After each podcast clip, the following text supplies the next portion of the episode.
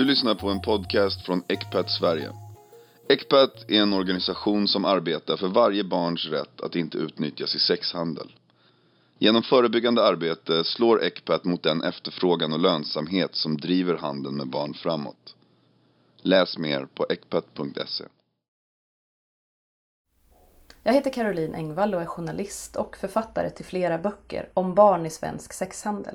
Och det är om detta svåra som den här podden handlar om. Det handlar om sex, om ångestdämpning, om konsekvenserna av spridda bilder på nätet och idag om köp av barns kroppar. För vi får inte blunda för att det faktiskt händer. Både i världen och i vårt trygga land. Vi måste lyssna. Välkommen Nathalie Gerami, författare. Tack. Och Maria Schillaci, psykolog och programchef på Ecpat Sverige med många års erfarenhet av barnrättsfrågor och också av att behandla barn som har varit utsatta för olika sexuella övergrepp. Om vi börjar med dig Nathalie. Du arbetade under två års tid med ett projekt mellan World Children's Prize och ECPAT. Och då reste du runt till utvecklingsländer och utbildade flickor om deras rättigheter. Och under ditt arbete träffade du också många barn som var utsatta för sexhandel. Och en del av det arbetet har resulterat i boken Tysta rop, barns berättelser om sexhandel. Skulle du vilja läsa ett stycke från din bok? Absolut. Eh, Jag kommer läsa ett stycke om en flicka som heter Laxmi Eh, och som blev såld till en bordell i Indien. Och i stycket där så träffar hon en eh, liten flicka som sitter i rummet intill henne. De har grävt ett litet, litet hål i mellanrummen så att de kan kommunicera. Hallå, viskar Laxmi, men får inget svar. Hallå, var inte rädd. Jag är bara flickan i rummet intill. Nere vid golvet, kom! Hon hör någon som dunsar ner i golvet. Hon ser också att det mörknar för hålet. Men sedan ljusnar det igen, som om någon letar utan att hitta. Hallå, här! viskar Laxmi lite högre, med munnen tryckt mot hålet. Hon sticker in fingret och vickar det fram och tillbaka. Mamma? Nej, fnissar Laxmi. Jag är inte din mamma. Jag heter Laxmi, vad heter du? Något snuddar vid hennes finger hon drar ut det och kikar in. Ett stort öga kikar tillbaka. Mamma, var är min mamma? Jag vill åka hem. Laxmis strupe snörper upp sig. Hon får svårt att andas. Den där rösten. Den tillhör inte en flicka. Den tillhör ett litet barn. Lilla vän, hur gammal är du? Varför kan jag inte se dig? säger rösten högt. Shh! Du måste viska, annars är det farligt. Du måste viska. Viskleken, viskar rösten tillbaka, nu med lite entusiasm i rösten. Ja, precis.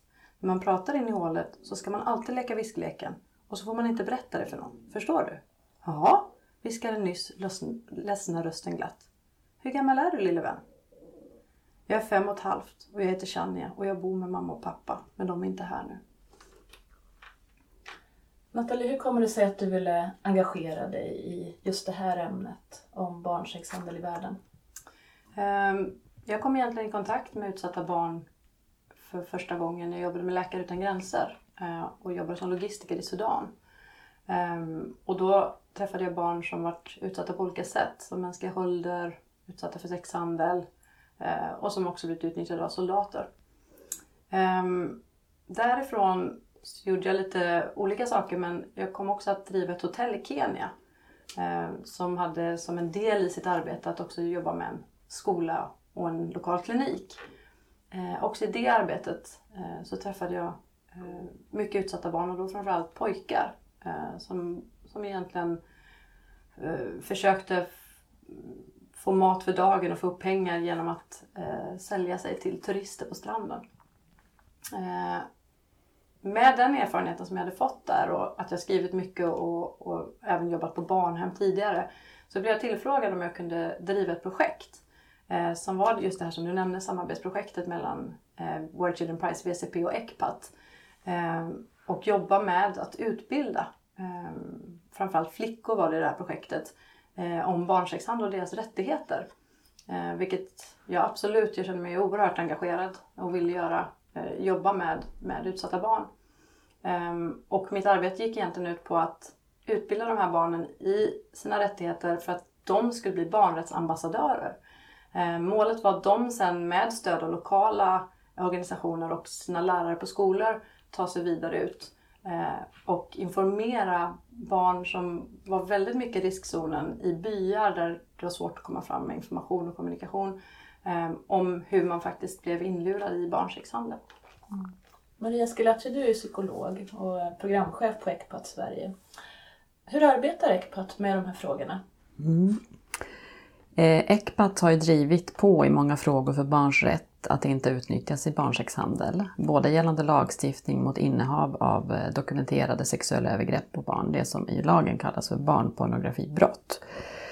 Ett stort internationellt samarbete mellan olika reseföretag, det du var inne på också, företagens ansvar för att hindra resande förövare och en hotline där allmänheten kan rapportera misstänkt barnsexhandel och att öka de polisiära resurserna eh, gällande detta. Eh, för ett gemensamt arbete mot barnsexhandel eh, och en betydande ökning av kunskap. För det behöver vi i samhället och att ansvaret ligger på var och en. Du kan aldrig certifiera dig bort från det. Hur upplever ni båda att kunskapen ser ut kring barnsexhandel i världen idag? Ehm, min upplevelse är väldigt mycket att särskilt när jag har kommit i kontakt med människor här i Sverige att folk tänker ofta att det händer där borta, man vill inte ta det till sig, man vill inte veta. Um, vilket i sig inte alls är sant. Det, det är verkligen ett världsomspännande problem. Um, men även uh, ja, på de flesta platser jag varit så är, folk tycker att det är ett, uh, ett ämne som man inte vill ta i. Det, det känns för tufft ofta. Um, men det är vårt ansvar. Barnen i vår omgivning är vårt ansvar. Man kan inte titta bort. Och för oss på Ecpat så var det en självklarhet att, att samarbeta eh, med Nathalie i den här boken. På grund av att eh, handeln med barn och eh, handeln med människor är den största, tredje största handeln i världen efter vapen och droghandel, illegal handel alltså. Och barns kroppar är en handelsvara som kan säljas om och om igen. Så de berättelser som finns i Nathalies bok är extremt starka. Och eh, vi har hittills inte haft en röst från barnen själva som, som eh, är i, i sexhandel, utan det är andra som pratar om de här barnen. Så därför var det viktigt att ge barnen en röst via samarbetet med Nathalie. Det är ju extremt gripande berättelser som du förmedlar, Nathalie. Vad, vad berättar barnen för dig? Um, ja, det var faktiskt, de berättar ju verkligen om vad de har upplevt och sättet när jag kom ner och började arbeta så var det det var, jag skulle säga lite chockartat för mig när de började dela med sig. Det var, jag blev överrumplad att det skulle komma så snabbt och så ärligt. Um, och det blev naturligtvis en, en kamp i mig för det drabbade mig, det grep mig. Jag, vissa dagar så kände jag att jag vill inte stiga ur sängen, jag vill inte vara med, jag vill inte höra mer. Och samtidigt det här enormt dåliga samvetet. Jag hör om deras historier och jag känner att jag inte orkar. Eh, det var, det var otroligt känsloladdat. Och så kände jag att det här de berättar, de här hemligheterna. Vad ska jag göra med det här? Hur ska jag kunna förvalta deras förtroende? Men det var en, av mina, en, en, väldigt stark upplevelse. Vi sitter i, i Sydafrika då och en tjej har, de har precis delat med sig av sina historier för mig. Och jag känner mig förtvivlad så jag frågar. Jag säger så, vad, vad, ska, vad, vad kan jag göra? Och den ena tjejen bara tittar på mig och säger, men Nathalie du är ju författare. Skriv om oss så att världen får veta. Och då inser jag att ja, det här är ingenting som, de berättar inte för mig för att det är hemligt. Utan de berättar ju helt tvärtom. De vill att människor ska veta för att vi tillsammans ska kunna göra någonting och kämpa emot den här eh, fruktansvärda industrin. Och vad får ni för reaktioner när världen nu får veta? Ja, alltså delade reaktioner på så vis att det här är en fråga, eh, å ena sidan är det en fråga som engagerar väldigt många. Och eh, jag tänker att de flesta människor kan verkligen ställa sig bakom Ekbats budskap och de berättelser som du har i din bok. Men sen, precis som du var inne på tidigare Nathalie, så är det här ett ämne som är väldigt svårt att ta till sig. Så eh, vi behöver hjälpa, att hjälpa människor att närma sig det här steg för steg, men att inte backa och inte blunda och hela tiden tänka att det här är en väg framåt och det finns ingen annan, det finns ingen annan väg, tänker jag. När det handlar om både att föra fram de här barnens röster men också att öka, att öka kunskapen i ämnet. Och att komma ihåg att internet har öppnat en dörr eh, som möjliggör eh, kontakter mellan barn och förövare som tidigare inte var som tidigare inte fanns. Och därför så är barnsexhandel något som rör alla barn i världen, barn som finns nära oss här i Sverige och barn som finns eh, långt bort. Internet har inga geografiska gränser på det viset. Nathalie berättar ju om barn som, som vill berätta för henne. Men så är det ju inte alltid, eller hur Maria? Eh, nej, barn eh, vill ju... Eller så här, barn kanske vill berätta men att de känner att de inte är trygga med att berätta och de vet inte hur deras berättelse ska tas emot och om de ska bli trygga eh, och trodda på framförallt i det. Jag tänker att du genom ditt, eh, genom ditt sätt att vara förmodligen också skapat en trygghet med de här barnen att vilja dela med sig av, eh, av, av sina berättelser. Eh, och att eh, de barnen som du har mött lever ju i en extremt eh, svår och belastande situation. Mm. Och att du var liksom verkligen deras väg, ljuset i mörkret. Att i alla fall rösten kan bli hörd, även om situationen i sig inte kunde förändras. Och det mm. tror jag också, för jag tror att många gånger det var så fascinerande. Jag föreläser ju mycket på skolor här och man tar för givet alla de flesta har någon koll på vad barnkonventionen är mm. eller de vet i alla fall att de har rätt att säga nej. Medan när jag var där, mm. nivån det hamnar på var ofta att de, de vet inte ens om att de har rättigheter överhuvudtaget. Mm. Och när man då står där och pratar och när de provar att räcka upp handen och man lyssnar och, och de verkligen får lov att säga vad de känner och vill och tänker. Och det var, jag märkte att det var en, en, en stor upplevelse många gånger. När de verkligen kände att jag, här har jag en vuxen människa som lyssnar på mig och som respekterar vad jag säger. Och då menar jag inte att, att det inte först, alltså, men många gånger i, i de här länderna så är barn eh, sedda som, som att inte förrän du blir vuxen så har du någonting att, av relevans att säga. Och det tror jag öppnade för mm. förtroende. Att de kände sig trygga mm. med mig. Mm. Mycket för att de inte var vana att bli bemötta på det mm. sättet. Många gånger. Precis, att de hade ett värde. Mm. Och att deras berättelser hade ett värde. Ja. Och att det kanske var första gången de också öppnade upp. Ja. För att det var första gången de fick frågan. Ja, mm. precis. Om man är vuxen och lyssnar på det här, hur kan man inspireras av eh, Nathalies berättelser för att kunna öppna för barn att bli lyssnade på i sin egen vardag, Maria? Eh, ja, jag tänker att eh, kunskap är nyckeln.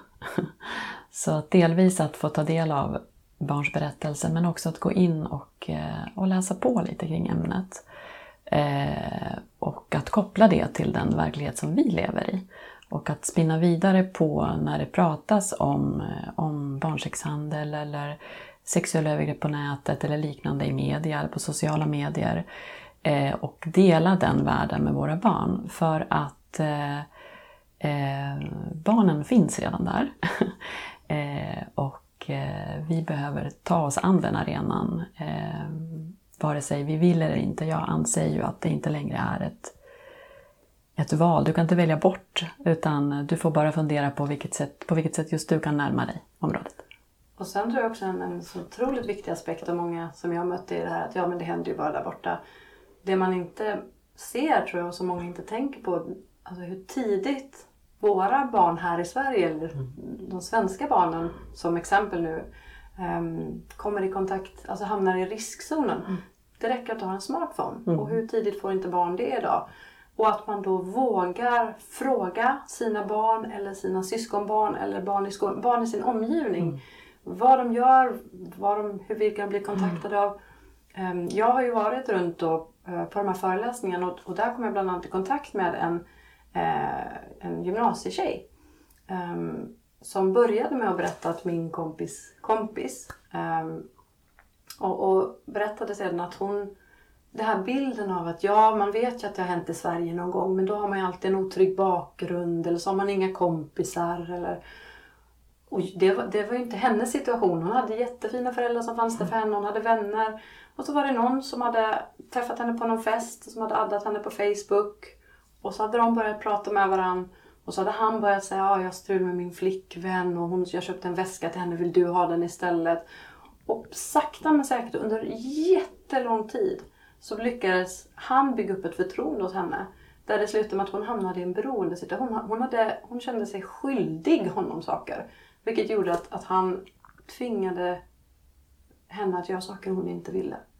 Um, så risken finns verkligen precis överallt. Och vi känner alla barn som är i riskzonen.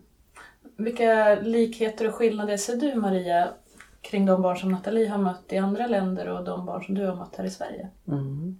Jag satt och tänkte precis på det nu och tänkte på det du berättade tidigare om att de här barnen, att du blev en röst för dem och att de här barnen såg det som en möjlighet att, att du faktiskt kan föra deras eh, talan vidare.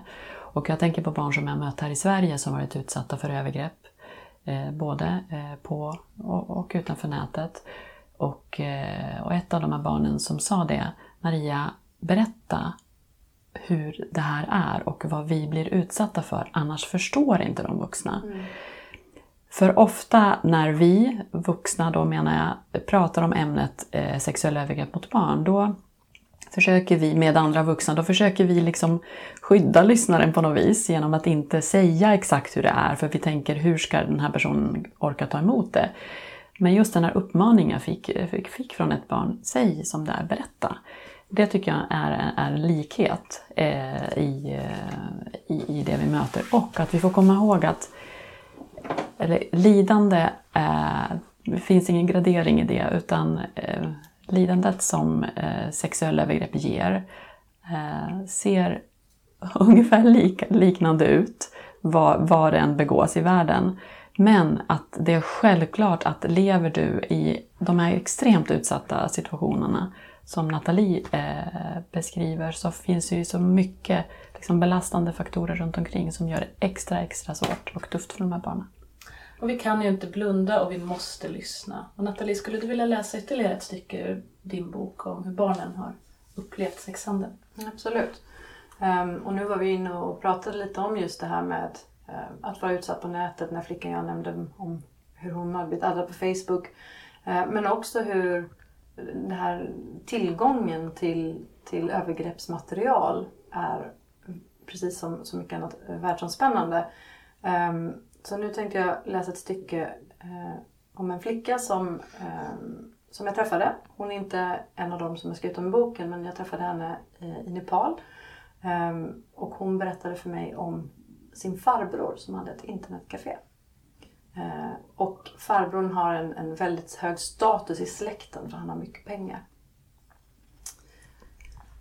Bakom internetcaféet fanns ett kontor som jag aldrig hade sett. Det var tomt och farbror berättade vänligt att det var här han satt och arbetade om dagarna. Han brukade sällan prata med oss barn eh, och hans vänliga röst gjorde mig nervös. Efter en liten stund gick vi in i ett angränsande rum. Jag trodde knappt mina ögon. Jag hade aldrig sett så många leksaker på en gång. Nallar, dockor, skallror, bollar, klossar. Allt fanns. Men jag kunde inte slita ögonen från den mjuka hästen med ett horn i pannan. Den var alldeles vit. Farbror sa att jag fick leka med den. Men jag vågade knappt röra den. Den var så ren och fin. Jag blev tillsagd att ta med hästen och sätta mig på madrassen som låg på golvet. Han satte på en kamera som stod uppställd. Jag vågade inte fråga varför. Han la fram en rosa fin spetsklänning och en hårborste och hårband. Så åt mig att byta om. Först hörde jag inte. Jag var så upptagen av den uppstoppade hästen. Då tog han den ifrån mig och ställde den på ett skåp bakom kameran och sa att jag skulle få den om jag gjorde som han sa. Jag bytte snabbt om, borstade håret och satte upp det i en tofs. Jag såg att han inte var nöjd och jag kände mig nervös. Han satte på musik och bad mig dansa framför kameran. Försökte visa hur jag skulle göra. Till slut gav han upp och bad mig istället ta av mig kläderna. Långsamt medan jag först strök med händerna över tyget och sedan över min kropp, förklarade han. Jag ville verkligen göra rätt. Jag ville så gärna ha hästen. När jag tagit på och av kläderna flera gånger ville, ville han att jag skulle krypa runt på madrassen och le mot kameran och ligga i olika ställningar. Hela tiden ville han att jag skulle le. Men det var svårt, för det kändes så konstigt. Till slut stängde han av kameran och gav mig några sedlar som jag skulle ta hem till mamma och pappa. Jag tittade upp på hästen. Om du gör bättre ifrån dig nästa gång så kanske du får den. Maria Schillaci, hur hjälper ECPAT de här barnen? Mm. Precis. Eh, det du beskriver är ju eh, en situation kring eh, att ett barn tvingas agera i, Eh, på bild. Liksom, antingen filmas som i det här fallet eller, eller fotas. Och Ecpat driver ju en hotline, en webbaserad tjänst där vi sitter och analyserar övergreppsmaterial eh, dit allmänheten kan tipsa oss om att de har kommit över det här eller vill, vill bara tipsa om oss att det här materialet finns. Eh, och där hjälper vi eh, polisen genom att, att gå igenom det materialet och se, fin, har vi tillräckliga element för att, för att kunna gå vidare och identifiera barnet? För det är det som är det viktiga, att man faktiskt lyckas identifiera barnet, förutom hela liksom, den, den rättsliga biten. Eh, så, och det finns ju många barn på de här bilderna som hamnar i det som är gråzon, brukar vi kalla det för. Barn, barnen i gråzonen, alltså barn som eh, det är tydligt för den som tittar på bilderna att det är en sexuellt eh, utsatt situation för barnet. Men barnet kanske står i bikini men ändå poserar på ett sätt att man förstår att det har gjorts i sexuellt syfte. Och det, det är en, liksom en del av, av, av det materialet som, som, som vi ser. Så jag tänker Ecpat Hotline är en, en viktig del i, i, i kampen mot, mot spridningen av, av övergreppsmaterial på barn. Hur kan man som privatperson hjälpa er i det här arbetet? Mm. Som privatperson så delvis så kan man ju eh, bli eh, supporter för Ecpat naturligtvis engagera sig i våra frågor och eh, finnas med i de forum som, som, vi, eh, som vi finns med i. Eh, och eh, jag tänker att det engagemanget är jätte, jätteviktigt. Vi behöver bli många fler som ser, hör och vågar, vågar ta till oss de här berättelserna. För barn som blir utsatta, vare sig de är i Sverige eller någon annanstans, har oftast ingen annan. Och jag får ofta också den frågan. Eh, och och det, det som jag tycker är så viktigt är just det här ja, men som vi har återkommit till, titta inte bort. Var, var, ta inte beslutet eller tänk, jag såg säkert ingenting, utan låt någon som faktiskt vet eller har erfarenhet göra den bedömningen. Anmäl till Ecpatotline om du vill vara Eh, anonym eller ring polisen om du ser någonting både i Sverige eller utomlands. Sen är det också, man kan ju faktiskt vara ganska, alltså, fatta aktiva beslut när du konsumerar. Vad har du för, vad väljer du att resa med för reseföretag? Vad har du för, för bank? Eh, arbetar de för att stoppa trans, eh, transaktioner som rör eh, illegal handel?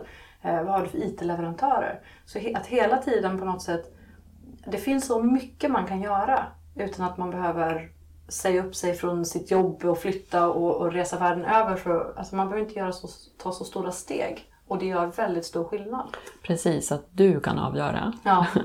och eh, om du som lyssnar på det här avsnittet är, är jobbar på ett globalt företag eh, så tänker jag att du kan gå in och titta på vilka riktlinjer ditt företag har.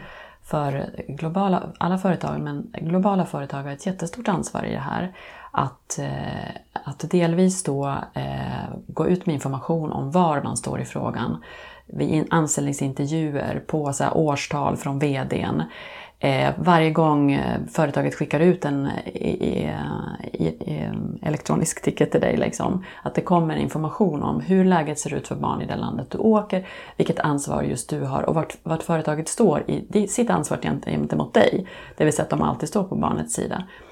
Och att eh, du kan aldrig, kunskap är viktigt men att det är viktigt att komma ihåg att man aldrig kan certifiera sig bort från ansvaret. Ansvaret bär just du eller just din kollega som ser din kollega eh, begå övergrepp mot barn utomlands. Och att den kollegan behöver hjälp och stöd i att veta vart ska jag vända mig, på vilket sätt, att det ska finnas inarbetade rutiner eh, för att faktiskt våga se och agera i Sverige och utomlands. Nathalie, hur tycker du att man kan göra för att orka se och orka lyssna? Um, det är ju det är ju någonting man ställs inför varje gång man tänker på, på barn som är utsatta. Eh, och återigen, för det första så menar jag att du har inget val. Så fort man själv har passerat från barn till vuxen ålder så är, det, så är barnen i vår omgivning vårt ansvar. Eh, men jag tycker också att det är viktigt för det är en sån nattsvart industri, det är så mörkt, det är så fruktansvärt. Men något som är väldigt, väldigt viktigt att komma ihåg i de här eh, sammanhangen är att det finns hopp. Vi gör skillnad. Vi kan alla göra skillnad. Och på individnivå så kan du förändra livet för ett barn. Det finns ju inget viktigare. Um, till exempel de här barnen som jag skriver om i boken. Det är fyra barns öden och det är verkligen eh, fruktansvärda livshistorier. Men två av de fyra barnen lever idag ett värdigt liv. Tack vare att människor har engagerat sig. Allt från eh, en, någon som har gett bidrag till någon som har eh, jobbat på en organisation till att faktiskt finnas på plats för de här barnen och fysiskt hjälpa dem ur sin situation. Um, så jag tycker att det är så viktigt att man mitt i, i det här mörkret ändå kommer ihåg att det finns ett ljus, det finns möjligheter, det finns hjälp. Förutom att vi som individer måste bli bättre på att se och lyssna på de här barnen, vad behöver samhället göra för att vi ska få till en förändring? Mm. Samhället behöver eh, delvis så eh, har sexuella övergrepp eh, mot barn förekommit i alla tider. Det är inget nytt fenomen. Eh, så vi, samhället behöver utbildning. Eh, vi vet att förövare finns där barn finns. Och alltså behöver alla de sammanhang eh, behöver vuxna som är medvetna och har kunskap om ämnet, om hur, att hur man, vilka tecken man ska se, hur, hur man ska agera. Och också att barnen stärks i att veta att de har rätt till sin egen kropp, de har rätt att säga nej. Eh, och eh, att ta varje tillfälle i akt att, att inte blunda och inte vända, vända bort blicken tänker jag är jätte, jätteviktigt. Och också eh, igen det här med kunskap. För ju mer man mm. vet, ju mer större möjlighet har man att se. Eh, väldigt ofta så träff, möter jag på de här eh, för, förutfattade meningarna eller tron att ja men förövaren det är ju någon i det här könet och den här åldern. Det är inte sant. De förekommer män och kvinnor och de förekommer i olika åldrar. Det gör att när man har en förväntan på förövaren så kan de som inte har, som folk inte tror är förövare, de kan ju arbeta mycket mer i det fria. Detsamma gäller ju barnen. Det är väldigt många som tror att det är flickor som utsätts.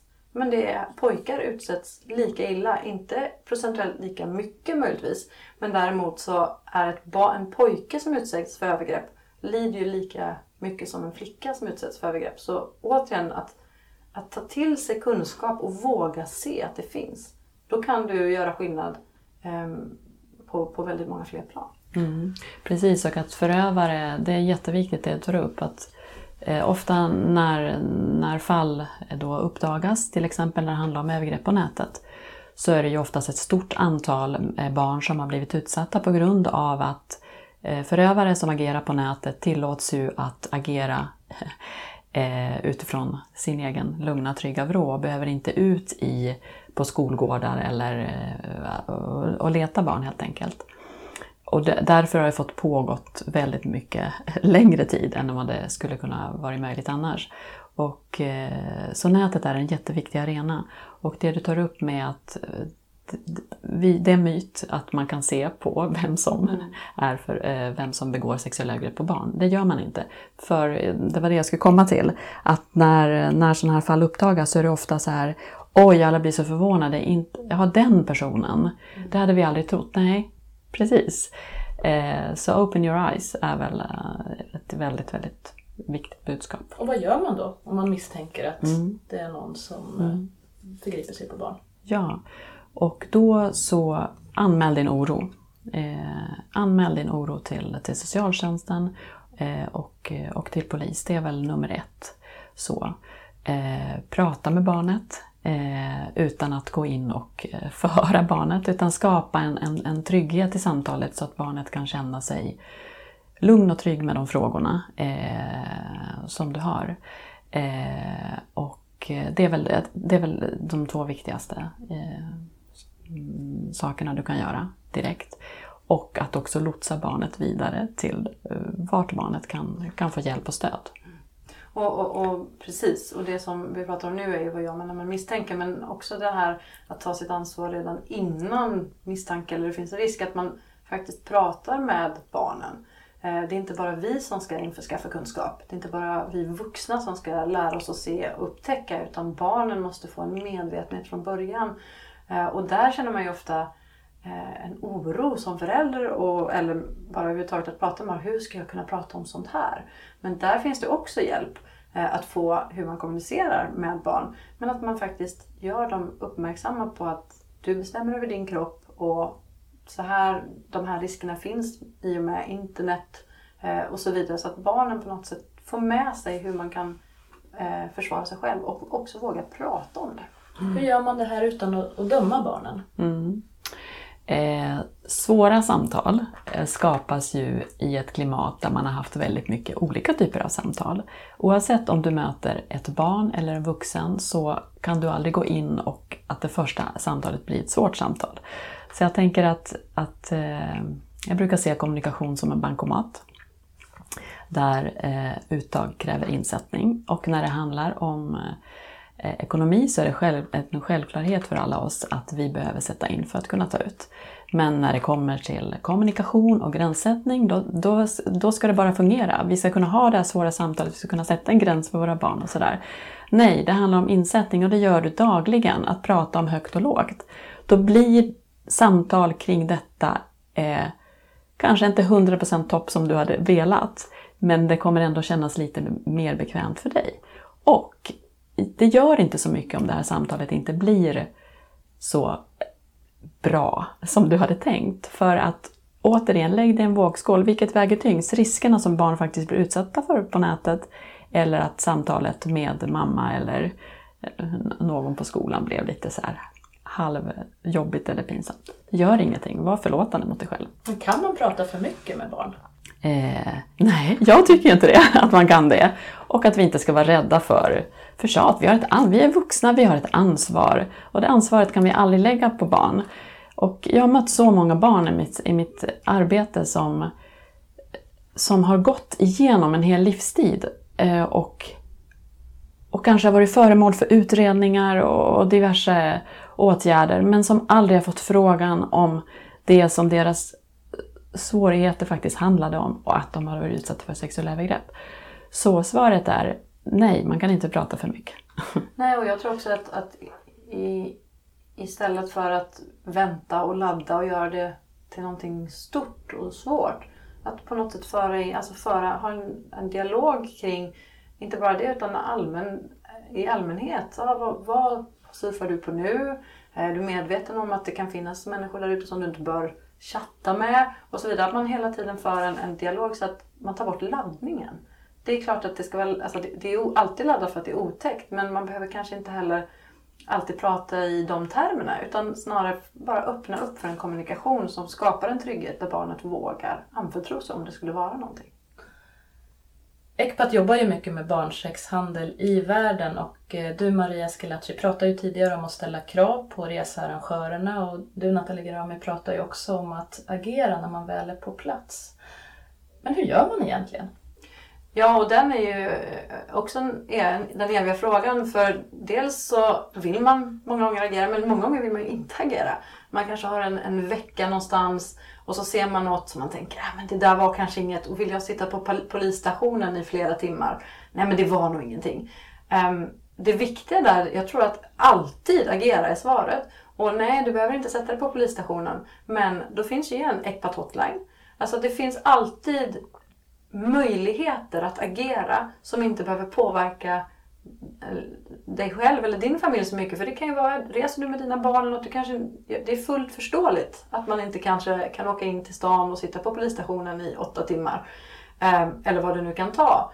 Ehm, antingen så anmäler man direkt till lokala polisen eller så tar man sig via nätet och gör en anmälning anonymt. Eh, och det går otroligt snabbt. Och då är nästa tanke, ja men kan det verkligen göra skillnad? Ja, det kan verkligen göra skillnad och det finns exempel när det varit eh, familjer som har sett någonting som de har tänkt, de har anmält på en sån här hotline eh, som faktiskt har lett till att polisen på plats har fått ett tips som var den pusselbiten som fattades för att de skulle kunna agera.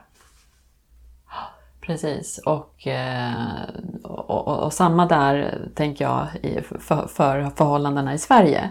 Eh, hur att anmälan är så himla viktig. Vi har flera fall där det sen har uppdagats att mm. väldigt många barn har blivit utsatta för övergrepp. Där det har räckt att det har varit just en anmälan, den föräldern som har tänkt sig nu anmäler jag det här kring mitt barn eller kring något annat barn. Och eh, sen har man liksom kunnat eh, rulla upp hela, hela bilden. Så anmälan är alltid viktig och att veta om att det faktiskt kan göra skillnad. För det ser vi i våra... Mm. Mm. Och det var lite eh, också när jag jobbade i Kenya som jag pratade om och jag såg alla de här pojkarna eh, som gick hand i hand med äldre kvinnor. Eh, och jag, jag, kommer också, jag hade också den uppfattningen. Jag tänkte men oh, hur kan de, varför vill de och vad är det här? Jag hade också de här tankarna som jag idag nästan skäms för. Hur kunde jag ens tro att de här pojkarna ville? Och jag träffade ju då, som jag skriver om i boken, den här pojken Samson. Som, han började ju naturligtvis bara, eh, bara prata med mig för att, för att han ville väl se om jag, jag var ju lite yngre och om det fanns någon möjlighet att, att få pengar Mm. från mig och jag var lite så här avståndstagande. Nej vad vill du? Jag vill inte prata med dig. Mm. Eh, Men det ledde till att, att, för jag hade en ledig dag och jag var alltid på samma ställe och solade på stranden. Och att han, han kom alltid tillbaka så vi inledde eh, en, en dialog. Eh, och då började han berätta för mig också på ett väldigt odramatiskt sätt men där han berättade om, om, om det han hade varit med på. Och jag kommer ihåg att jag satt och skämdes för det första att jag hade tänkt att det fanns någon frivillighet i det här. Han hade syskon och, och han hade familj. Eh, syskon som var sjuka, familj som, inte, som var arbetslösa och han hade försökt tigga in i det sista.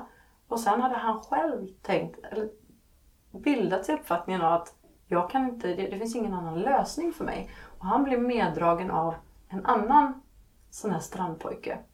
Ehm, och jag tänkte jag skulle läsa bara ett litet, litet stycke om precis när han är på väg in i, i den här eh, mörka eh, situationen.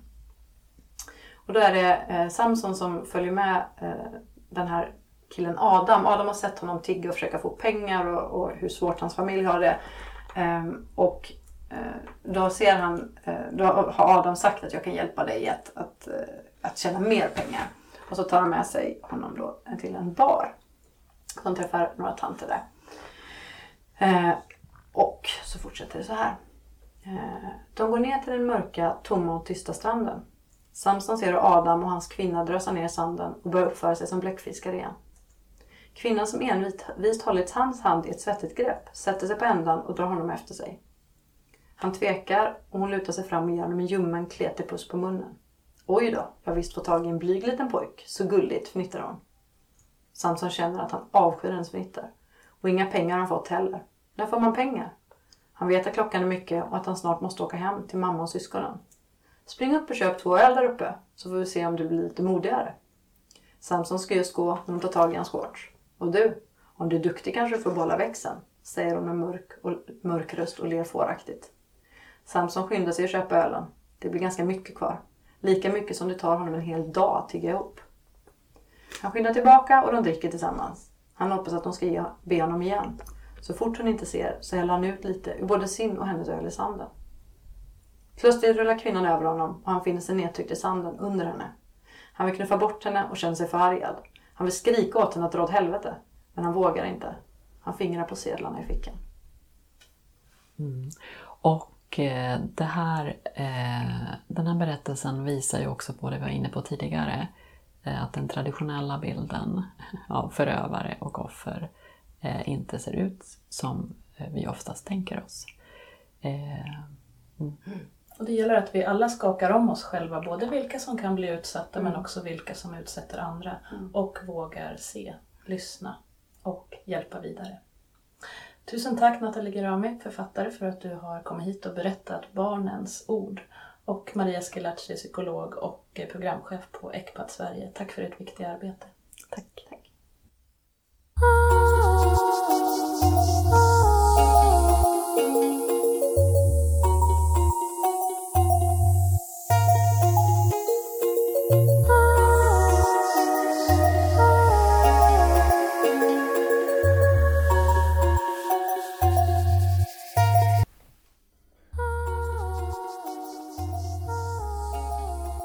Vi behöver bli fler i kampen mot barnsexhandel. Vill du stödja Ecpats arbete så kan du smsa mot barnsexhandel till 72 980 för att stödja vårt arbete med 50 kronor varje månad.